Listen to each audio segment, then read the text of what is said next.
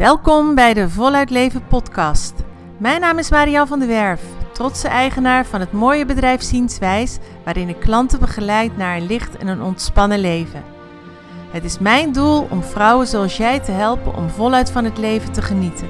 Energiek, ontspannen en zelfverzekerd. Zie deze podcast als een boost voor je persoonlijke ontwikkeling. Laat je inspireren om bewust en positief in het leven te staan. Te leven vanuit flow, vrij van angst en onzekerheid. Wil jij je gevoeligheid als kracht ervaren en je eigen processen begrijpen? Wil je weten hoe je lichtheid bereikt in je dagelijks leven en sta je open voor verandering en groei? Dan ben je hier op het juiste adres. Ik heb weer zin in een nieuwe podcast en ik hoop dat jij er ook klaar voor bent.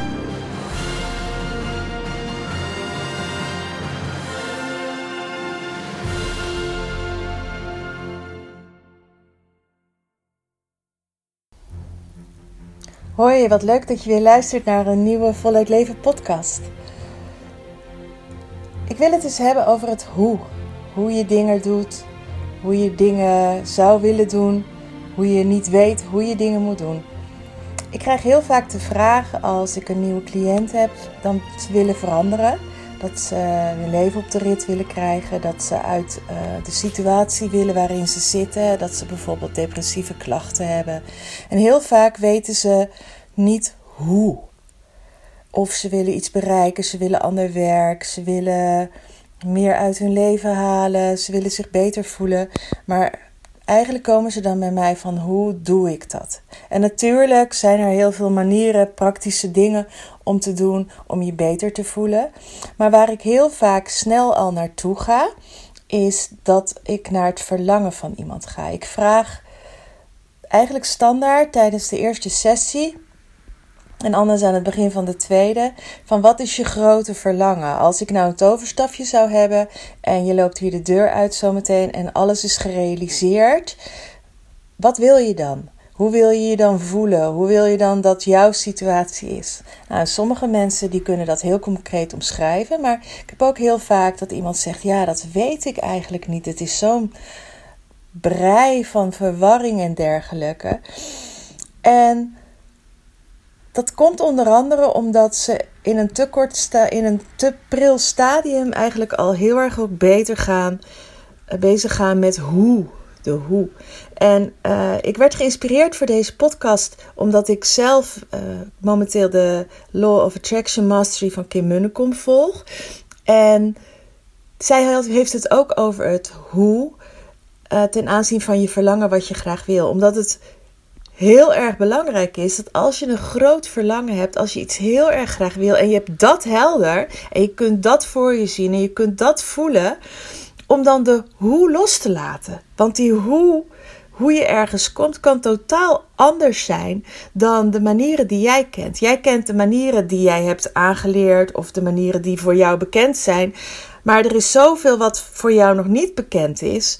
Een heel mooi voorbeeld, en ik ga er een paar noemen, is: uh, wij willen, hebben nu het verlangen dat we graag een chalet in, in, in het weiland willen, omdat we dan daar gasten kunnen ontvangen. Nu hebben we een mooie gastenkamer, maar uh, het zou natuurlijk veel fijner zijn als we een apart chalet hebben met een aparte douche en toilet.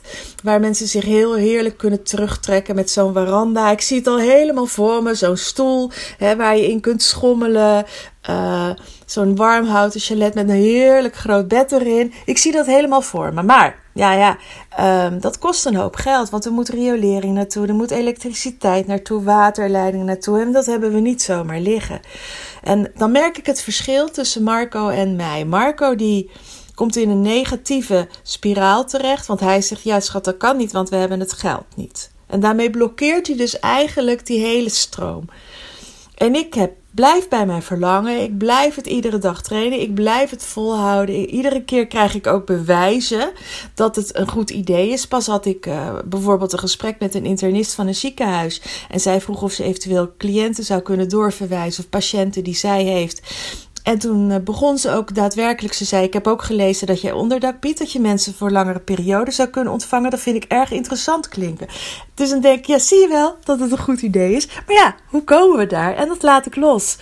En laatst kwam er iemand en die vertelde dat ze een erfenis hadden en dat die persoon uh, wil investeren. En die had, het is wel een hele goede bekende van mij hoor, maar dat ze interesse hebben om die investering te doen als, als het ware. Uh, zodat zij daar gewoon ook weer iets aan hebben. Nou ja, daar had ik zelf niet op kunnen komen.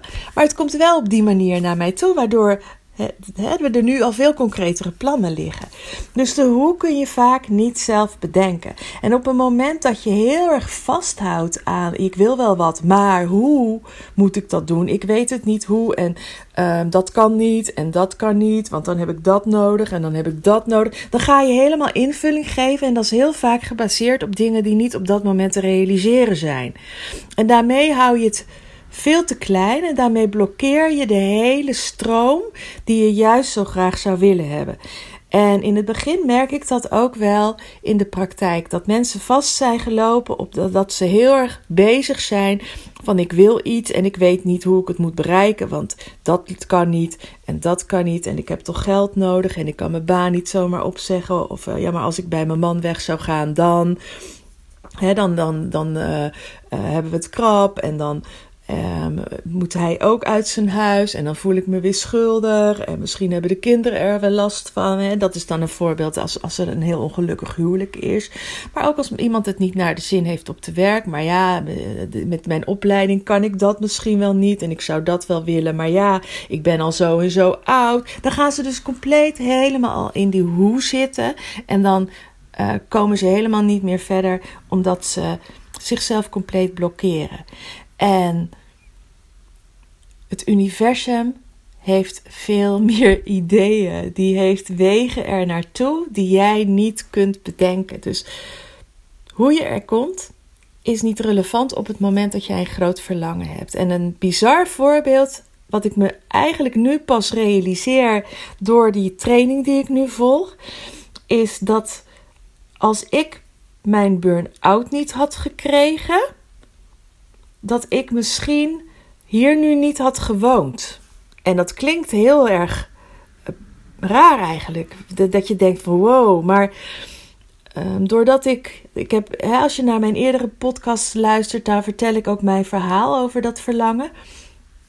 Maar uh, ik had natuurlijk een hele goede baan. En ik had twee kinderen nog thuis wonen die allebei studeerden. De paarden, de dieren, een eigen huis. Dus ik hing ook heel erg van, aanvankelijk van, uh, het, ik kan niet hier weg, want ik heb mijn baan, hè, ik ben directeur, ik kan de school niet zomaar loslaten. En hoe moet dat dan? Want als ik dan naar Zeeland ga, dan ben ik iedere dag drie uur aan het reizen. Dus ik zat ook in die hoe moet dat dan allemaal modus. En daarmee gebeurde er ook helemaal niks. Toen kwam mijn burn-out. En ik lag er compleet finaal helemaal uit. En ik kreeg een arbeidsdeskundig onderzoek. En uit dat onderzoek, dat was al na een jaar, hè, toen was ik al een jaar thuis. En daar kwam heel erg duidelijk naar voren dat de baan als directeur van een basisschool niet, niet goed bij mijn persoonlijkheid paste. Omdat ik heel erg de diepte inging, heel erg uh, eigenlijk overal indook. Hè, een, een hele diepgaande informatieverwerking, een heel groot analytisch vermogen, een heel groot signaleringsvermogen. En die uh, therapeut die mij onderzocht, die zei: Maar dan, dan, dan kun jij die baan nooit realiseren, omdat je zoveel op je bordje hebt, zoveel verschillende taken, zoveel verschillende verantwoordelijkheden. Als jij op deze manier waarop jij nu aan mij al antwoorden geeft als ik een simpele vraag stel, ook met je werk bezig bent is dat way too much. Jij bent een specialist en niet een generalist. Jij moet ergens gewoon heel erg goed in zijn in één ding, maar geen 10 of 15 dingen op je bordje hebben. Dus in wezen kwam het erop neer: het is gewoon geen goed idee dat jij nog terug gaat naar je werk. En daarmee kwam alles open. Want toen zei ik: als het toch niet meer goed is om terug te gaan naar mijn werk, dan kan ik helemaal kiezen wat ik wel wil. Maar dat is natuurlijk wel een ingang geweest waar ik niet zelf voor heb gekozen. Waar ik ook nooit voor. Hè, ik, ik zou nooit, denk ik, gezegd hebben: ik ga gewoon dat onderwijs uit. Ik had dat lef, denk ik, helemaal niet gehad. Maar door mijn burn-out heb ik wel die kans gekregen.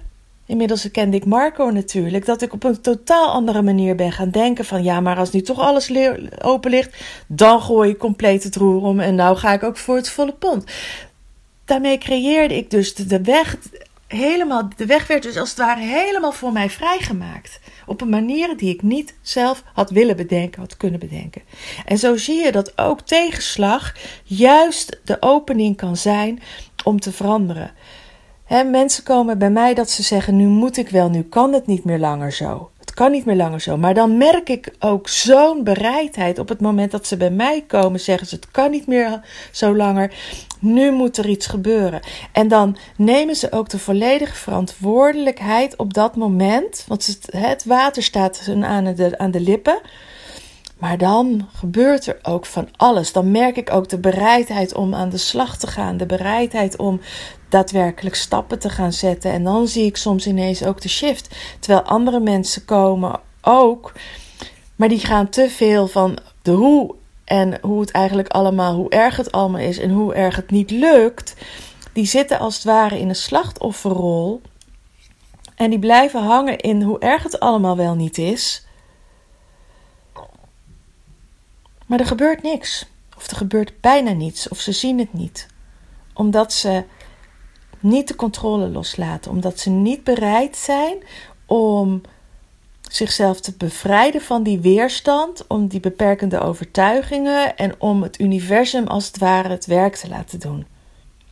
En dat is mijn boodschap vandaag in deze podcast. Als jij een verlangen hebt, maar je voelt: ik kan er niet bij, ik kan er niet komen, er gebeurt niet, het stagneert. Ga dan eens kijken of jij de hoe te veel wil blijven controleren. Dat je niet bezig bent met dat, dat wil ik en laat maar komen. Laat maar helemaal gebeuren en ik stel me ervoor open. En er gaan gewoon ook gelijk dingen gebeuren die soms ook eng zijn. Hè? Want geen controle meer hebben is rete spannend. Is heel erg eng. Maar als jij precies je pad wilt blijven bepalen voor de verandering vanaf het begin, terwijl je verlangen nog heel ver weg is, dan ga je merken dat je heel snel in een negatieve emotie komt en in van ja, maar dat kan niet. Ja, maar dat kan niet. Hetzelfde als waar ik mee begon, dat mijn liefje dan doet. En ik snap hem ook heel goed, hè? want hij denkt na gewoon over hoe het allemaal moet gebeuren. En er gaan gelijk rekensommetjes en hij ziet precies voor zich van, uh, hè, dat de riolering en dergelijke naartoe moet. Maar omdat hij al met de hoe bezig is, is het niet leuk meer om erover na te denken.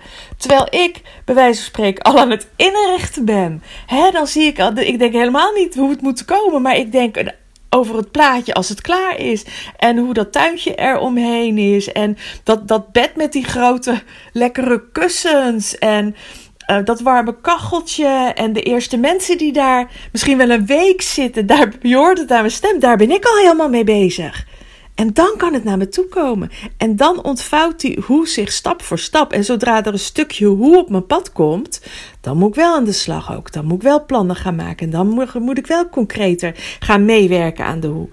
Maar in het begin niet. Dus ga eerst eens genieten van je verlangen. Ga helemaal je verlangen eens voelen. En ga vertrouwen op dat het mogelijk is. Maak jezelf vrij van die weerstand. Het kan niet. En laat de hoe voorlopig even aan het universum over. Ik vond dat zo'n mooi inzicht. En ik, ik, als ik nu terugdenk, is alles wat ik bereikt heb eigenlijk door de hoe los te laten. In eerste instantie. En ik vond dat zo mooi dat uh, Kim dat zo expliciet in haar training ook uh, uitgebreid aandacht gaf. Dat ik dacht, oh, dat ga ik met jullie delen. Dus bij deze. Hele fijne dag verder en tot de volgende podcast. Doeg! Ik hoop dat deze podcast je verder helpt op je pad en dat je er iets aan hebt. Wil je meer weten of heb je een vraag en opmerking? Mail dan naar marian.zienswijs.nl Dankjewel voor het luisteren en wie weet tot de volgende Voluit Leven podcast.